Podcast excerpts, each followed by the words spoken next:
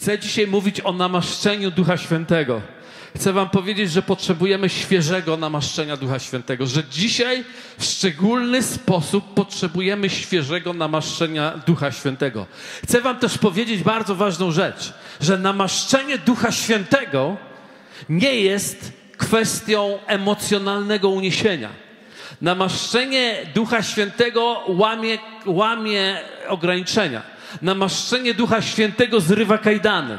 Zrywa kajdany uzależnień, zrywa kajdany e, niemożności, rozrywa, uzale- pokonuje uzależnienia od narkotyków, od alkoholu, od, y, nie wiem, no, uzależnień seksualnych. Namaszczenie Ducha Świętego łamie coś, co po ludzku my nie potrafimy sami złamać. I ono jest nam bardzo, bardzo potrzebne.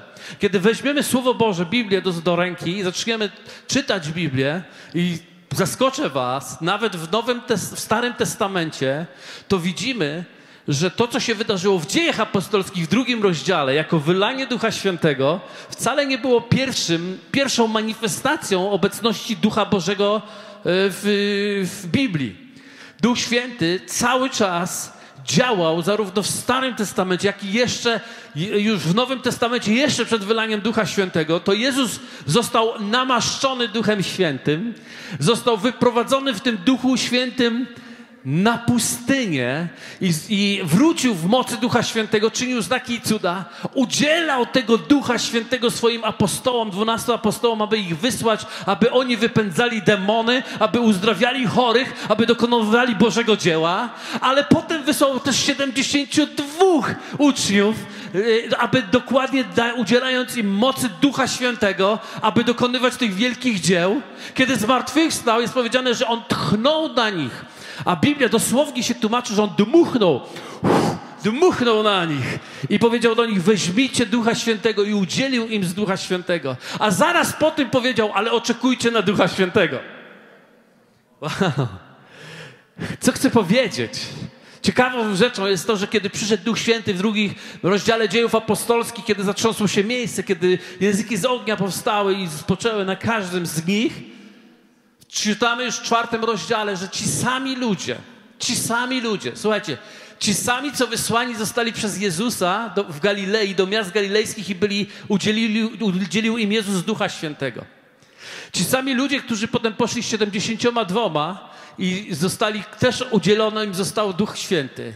Ci sami ludzie, których, na których dmuchnął Jezus, tchnął Jezus i otrzymali Ducha Świętego. Ci sami ludzie, którzy w dziejach apostolskich w drugim rozdziale, będąc w, na górze, otrzy- otrzymali Ducha Świętego, w czwartym rozdziale czytamy, że są i modlą się w jednym z mieszkań.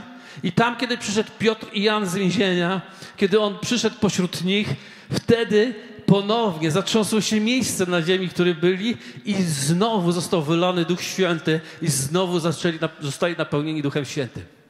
Co ja chcę powiedzieć przez to? Chcę powiedzieć przez to, że doświadczenie namaszczenia Duchem Świętym nie jest jednorazowym doświadczeniem. Nie jest to rzecz na jeden raz w Twoim życiu. Dlaczego? Dlatego, że namaszczenie, świeże namaszczenie Ducha Świętego nie jest po to, żebyś w jakimś okresie swojego życia poczuł się lepiej, ale jest po to, żebyś służył lepiej. Żebyś usłużył w tej mocy mockiej, żebyś usłużył w Jego namaszczeniu, żebyś przyniósł to Jego namaszczenie wtedy, kiedy ono jest potrzebne. I chcę Wam powiedzieć ciekawą rzecz. Boże namaszczenie nie jest ograniczone niczym. Ono jest w stanie do, do, dopaść wszędzie. Wiecie, w Starym Testamencie namaszczenie, właśnie Duch Święty był reprezentowany przez namaszczenie. Otóż mieli oliwę w swoim, swoim pojemniku i kiedy namaszczano na króla, namaszczano na proroka, namaszczano na sędziego, brano i, i Kuba, czy mógłbyś usłyszeć? Nie żartowałem, przepraszam. On jest widzicie? to jest właśnie poddanie, bo tam się wylewało w całość na głowę, tak żeby to się rozlało na nas, to żeby to namaszczenie dotknęło nas, a Kuba już gotowy, nie? Co tam, że zimno na dworze? Jesteś kochany. Masz lepszy pojemnik, tak. to namaszczenie, ono, ono się rozlewało, ono wylewało się na nas i my potrzebujemy tego świeżego namaszczenia, ponieważ kiedy Bóg namaszczał, wylewał oliwę na, kiedy ktokolwiek namaszczał i wylewał, czy na Dawida, czy na kogokolwiek, on mówił tak, to tak jakby Bóg ciebie zaznaczył i powiedział, zaznaczam ciebie, wyznaczam ciebie. A jeśli ja cię wyznaczyłem, to ja jestem też nad tobą. I jestem też z tobą. I będę potwierdzał moją mocą to, co się dzieje w twoim życiu. I będę z tobą podążał w tym, czym ty, czym ty idziesz. Więc to jest niesamowite, jak my potrzebujemy namaszczenia, bo wtedy, kiedy ma, jesteśmy namaszczeni, a namaszczenie reprezentuje ponowne wylanie Ducha Świętego, ponowne napełnienie się Duchem Świętym. I popatrzcie, Dawid, pamiętacie jak przyszedł Samuel szukać Dawida? Przyszedł, zobaczył jednego brata i powiedział: O, ale silny wy, wygląda, nadaje się.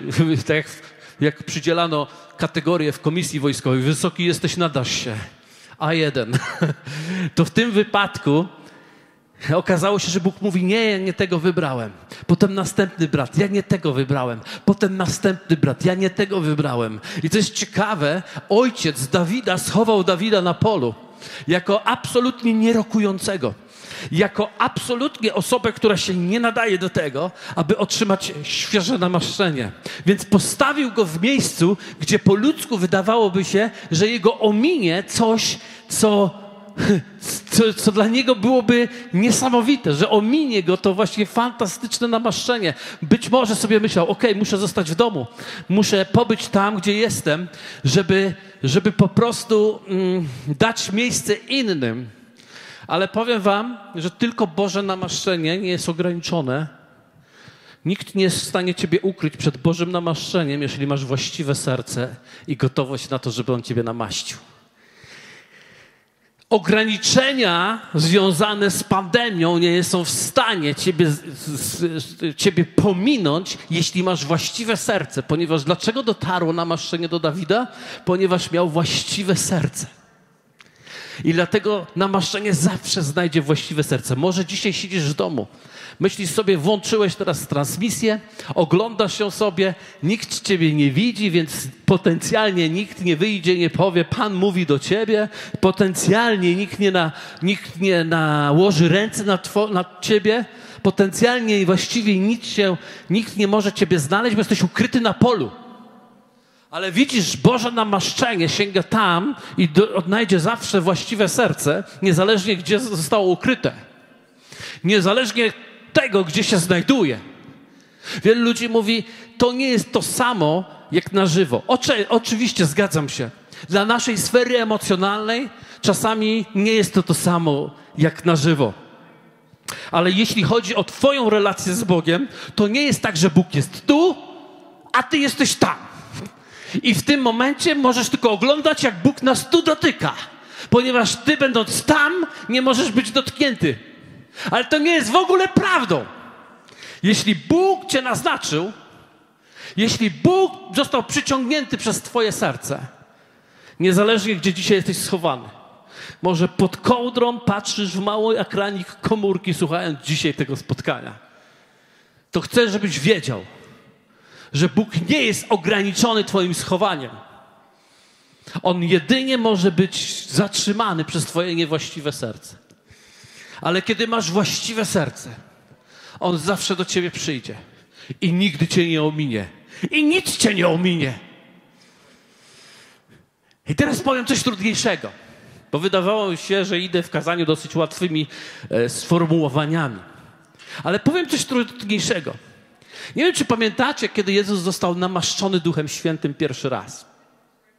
To było w koło 30 roku życia Jego przyszedł do Jordanu, przyszedł do swojego kuzyna Jana Chrzciciela, wszedł do wody. Jan Chrzciciel z oporami, ale go ochrzcił w wodzie. Otworzyło się niebo i Duch Święty jakby gołębica, nie wiadomo jak to wyglądało, ale jakby gołębica spoczął na nim. I moc Ducha Świętego spoczęła. Jeszcze Bóg potwierdził, że on jest umiłowanym synem i spoczął na nim moc Ducha Świętego. I pierwszą rzeczą, która którą ta moc Ducha Świętego uczyniła, pierwszą rzeczą, to jest dla mnie zadziwiające. Jest to w Ewangelii Mateusza w trzecim rozdziale. W Ewangelii Mateusza w, trzecim, w czwartym właściwie rozdziale, w pierwszym wersecie, mówi tak. Wtedy duch zaprowadził Jezusa na pustynię, aby go kusił diabeł. Kiedy ja kiedyś pierwszy raz przeczytałem ten werset, pomyślałem sobie, na pewno jakiś błąd w tłumaczeniu. Jak Duch Święty może wziąć Jezusa i wyprowadzić go na pustynię, nie wiem, czy dobrze to usłyszeliście, aby go kusił diabeł. Po prostu niesamowite. Wziąłem sobie jakaś pomyłka, jakieś pewnie z tłumaczeniem coś nie tak. Dzisiaj tego tak nie mówię. Dzisiaj wiem, że namaszczenie nie jest dla show, namaszczenie jest dla służenia Bogu, a wiem, że naczynie, które dźwiga namaszczenie, musi być wypróbowane, doświadczone i przetestowane. Nie, nie, nie, wielu osób tego nie lubi, ale chcę Wam powiedzieć, że Biblia mówi, że ilekroć testowane jest Twoje życie, poczytaj to za najwyższą radość. To jest ciekawe. I ilekroć testowane jest Twoje życie, poczytaj to za największą radość, ponieważ test tworzy wytrwałość, a wytrwałość winna być dziełem doskonałym. Zanim powiem dalej o Jezusie, który został wyprowadzony na pustynię, pustynia Jezusa jest inną pustynią niż był Izrael na pustyni. W sensie, że to jest inne, symbolicznie inne doświadczenie, inne przeżycie z Bogiem. Ale zanim to zrobię, to chciałbym, żebyście zobaczyli list do Hebrajczyków. List do Hebrajczyków opowiada o nowej rzeczywistości z Bogiem w Nowym Przymierzu zestawia właściwie stare przymierze z nowym, starą świątynię z nową, starą służbę z nową służbą, stare doświadczenie Boga z nowym doświadczeniem Boga. On to zestawia. I w dwunastym rozdziale listu do Hebrajczyków autor tego listu mówi do nas takimi, takimi słowami. Mówi, myśmy nie podeszli do takiej góry, jakiej, podeszli, do, jakiej podeszli, podszedł Izrael. Pamiętacie, że on podszedł do góry e, w której e, zostało nadane prawo, tak? Góra Synaj, na pustyni Synaj zostało nadane prawo i ta góra, kiedy Bóg manifestował swoją obecność, ona była pełna grozy, pełna ognia, pełna jakiegoś takiego dźwięku e, zastraszającego. Nawet sam Mojżesz bał się, kiedy manifestował się Bóg przez tą górę. Ale kiedy kiedy mówi o Nowym Przymierzu, mówi o czymś większym niż ta góra. Być może nie tak strasznym, ale czymś potężniejszym niż góra, która przerażała.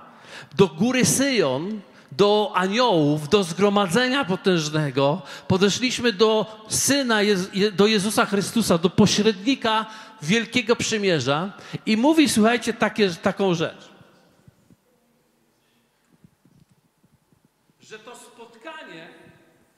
To spotkanie z Bogiem musi tak jakby się rozpocząć przez wstrząśnięciem Twoim życiem. Wstrząśnięciem Twoim życiem. Posłuchajcie.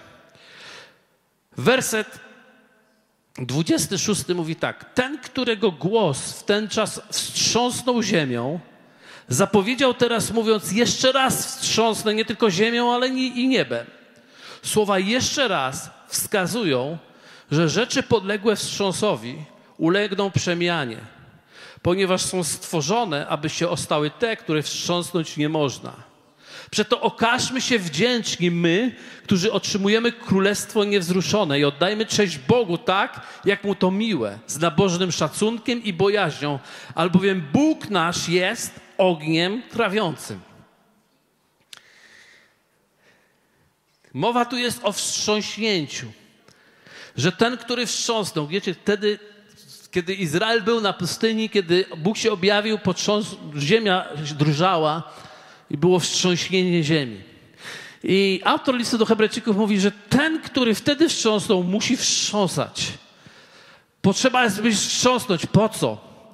Po to, aby to, czym się nie da wstrząsnąć, żeby się ostało, a to, co się da wstrząsnąć, żeby zostało przemienione.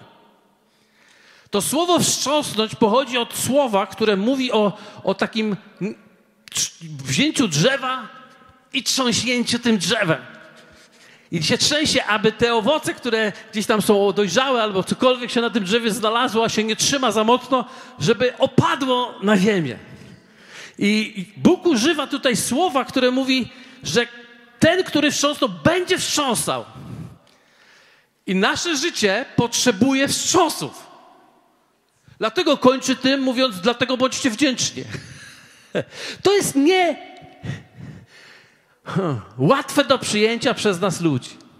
Dlatego, że kiedy my myślimy o tym życiu z Bogiem, to wszystko się może dziać, ale nie trząsienie.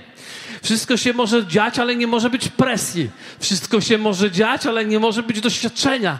Wszystko się ma dziać, ale nie może być trudu. Dlatego, że z Bogiem wszystko jest dobrze. I jest to prawda. I w pewnym sensie nie jest to prawda. Dobrze z jakiego punktu widzenia? Z punktu widzenia Boga zawsze jest dobrze. Z punktu widzenia człowieka czasem jest niewygodnie. Czasem nie jest tak, jak my byśmy chcieli, a to już wystarczy, żeby cierpieć w Królestwie Bożym. Bóg będzie potrząsał nami, dlatego że pewne rzeczy muszą być przemienione w nas. Widzicie, tym, co się da potrząsnąć, ma być przemienione. Więc pewne rzeczy muszą być przemienione. Dlaczego? Dlatego, że potrzebujemy świeżego, nowego namaszczenia. No ale jak to? Co ma namaszczenie do potrząsania? Więc powiem wam tak. To, co wierzę Duch Święty mówi teraz, w tym czasie bardzo mocno. My ciągle potrzebujemy napełniać się. Tak jak mówi list do Efezjan, piąty rozdział, osiemnasty werset. Nie upijajcie się winem, ale napełniajcie się Duchem Świętym. Wciąż napełniajcie się Duchem Świętym. Wciąż napełniajcie się. I przychodzimy do Boga i mówimy: napełnij mnie. A Bóg mówi: nie mogę.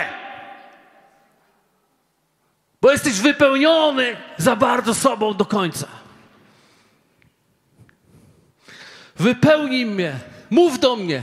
Nie mogę, bo Twoje uszy są wypełnione dźwiękiem tego świata i nie mogę dzisiaj wprowadzić słowa w Twoje uszy. Wiecie, nie chcę nikogo napominać, nie chcę nikogo potępiać, ale chcę dać taką zachętę, że czas, potem, po, czas potrząśnięcia, czas presji jest błogosławionym momentem, w którym przemieniają się rzeczy, które nie powinny być takie, jakie są w naszym życiu. I te, które są, którym się potrząsnąć nie da, pozostają i zostają oczyszczone, aby mogły wydać jeszcze piękniejszy, wspaniały owoc. Życie z Bogiem czasami ma potrząśnięcia. Sam Jezus, napełniony Duchem Świętym, pierwsze kroki został skierowany w miejsce pustyni, w którym był kuszony przez diabła. I jest powiedziane, wodzony w mocy Bożej. Ponieważ spotkanie z diabłem nigdy nie jest problemem, dopóki jesteś wypełniony mocą Boga. Nigdy nie jest straszne, dopóki jesteś wypełniony mocą Boga. Presja nigdy nie jest tak wielka, jeśli jest w tobie świeże namaszczenie. Trzęśnięcie ciebie nie niepokoi, ale raduje, że Bóg zajmuje się obszarami Twojego życia, w których absolutnie potrzebujesz pomocy. Bóg potrząśnie Twoją wygodą, Twoim komfortem, Twoimi zwyczajami, Twoimi uzależnieniami, Twoimi związaniami ponieważ namaszczenie, które chce wypełnić Ciebie, złamie te wszystkie rzeczy w Twoim życiu. I będziesz wolny. Halleluja. Amen. Będziesz wolny. Dlatego to jest ciekawe, Ale Łukasza, kiedy mowa jest o tym, jak Jezus został wyprowadzony na pustynię i wodzony w mocy Ducha Świętego na pustyni, kiedy, o, kiedy, kiedy zdał test, bo wszyscy wiemy, że zdał test, kiedy on ten test zaliczył, kiedy wrócił, posłuchajcie, pozwólcie, że wam przeczytam to z Ewangelii Łukasza z czwartego rozdziału. Kiedy wrócił, czternasty werset mówi tak, i powrócił Jezus w mocy Ducha Świętego do Galilei. On pełen Ducha Świętego wyszedł na pustynię, ale powrócił z pustyni w mocy Ducha Świętego. W świeżym namaszczeniu. Ilu z Was zauważyło, że Jezus w presji, w potrząśnięciu, w tym teście życia, w tym przygotowaniu do krzyża, bo to było to, co tam się wydarzyło, było przygotowaniem Jego do krzyża, nie stracił świeżości namaszczenia, ale pomnożył je do miejsca, w którym powrócił w mocy Ducha Świętego. I kiedy powrócił, i kiedy powrócił, jest powiedziane, że wszedł do synagogi, otworzył księgę Izajasza, a potem ogłosił to, nie przeczytał to. On to ogłosił. Powiedział: Duch Pański nade mną. Przeto namaścił mnie, abym zwiastował ubogim dobrą nowinę. Posłał mnie, abym ogłosił jeńcom wyzwolenie, a ślepym przyjrzenie, abym uciśnionych wypuścił na wolność, abym zwiastował miłościwy rok Pana i zamknął księgę. Odłożył ją i powiedział: Dziś to się wypełniło w waszych uszach. To się dokładnie w tej chwili dokonało. To jest piękne. Po pustyni po doświadczeniu i po tej presji, którą przeszedł Jezus, on nie szukał siebie w kontekście Boga.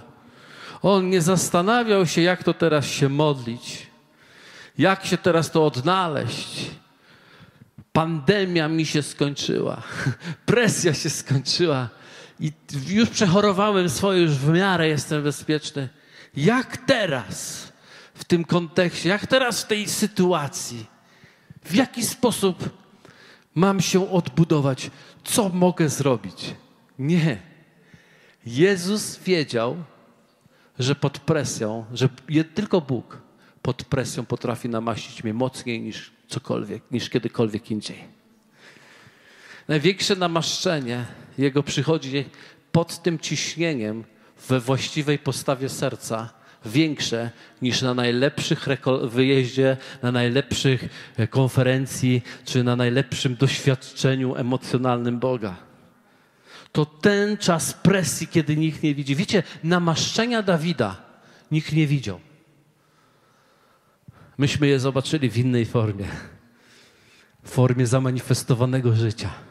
Nikt nie widział tego momentu, kiedy Dawid został wylany oliwa na niego i ustanowiony królem całego Izraela. Dlatego musiał czekać na to, ponieważ nikt nie widział, musiał czekać na to kilka dobrych lat. Ale jego życie pokazało, że w tym niewidocznym miejscu został namaszczony, że w tym niewidocznym miejscu Bóg go znalazł, że w tym niewidocznym miejscu. Dlatego, dlaczego?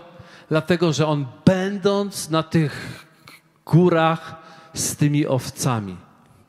Uwierzcie mi, my to widzimy pięknie tak z tych obrazków, my to tak potrafimy to e, ubrać tak w taki piękny wygląd, że to takie fajne było, że on był z tymi owcami.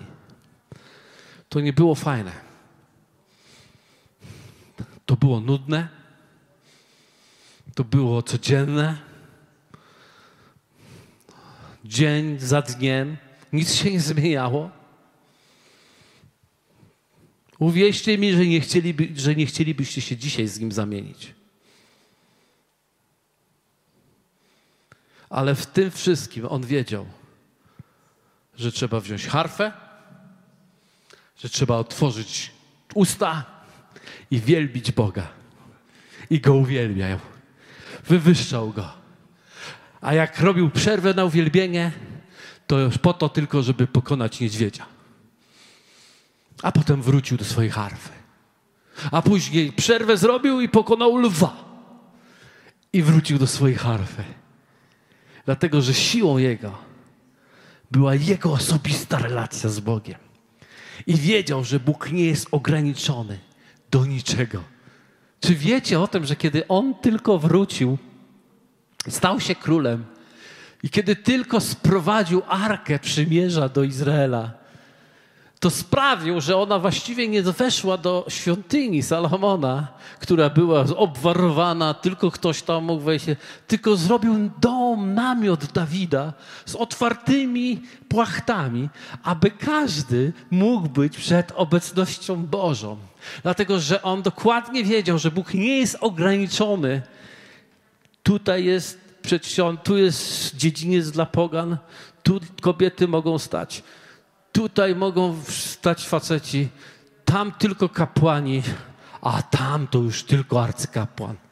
On wiedział, on miał objawienie nowego przymierza, w którym wiedział, że ty i ja i każdy z nas może mieć niesamowitą, głęboką, wewnętrzną relację z Bogiem, niezależnie gdzie się schował, bo dla Boga nie ma rzeczy schowanych. Dla Niego wszystko jest jawne i dokładnie wie, gdzie jesteś i dokładnie wie, co robisz.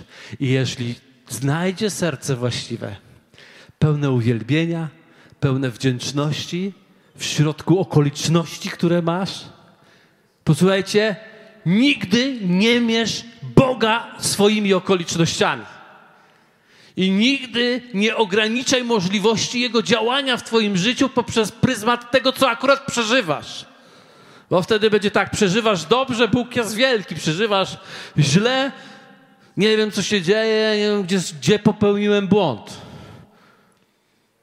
Nigdzie nie popełniłeś błędu. Czy słońce, czy zima, czy noc, czy dzień, czy sukces, czy porażka czy radość, czy smutek. Pan siedzi na tronie. Jest królem królów, jest panem panów, jest dobrym Bogiem i wciąż pragnie namaszczać. On ze swoim namaszczeniem nie gromadzi swojego ol, ol, oliwy namaszczenia w niebie na czas po pandemii. On już rozlewa ją. Gdziekolwiek jesteś, gdziekolwiek się znajdujesz, On rozlewa Boże namaszczenie w tej chwili i w tym czasie. Jest wierny Bogiem. Dzięki za odsłuchanie podcastu Kościoła Wrocław dla Jezusa. Przesłanie było dobre, prawda? Gwarantujemy, że to nie tylko teoria. Teraz Twój ruch, by zastosować je w swoim życiu. Jeśli chcesz dowiedzieć się o nas więcej, odwiedź stronę wdj.pl. Do usłyszenia!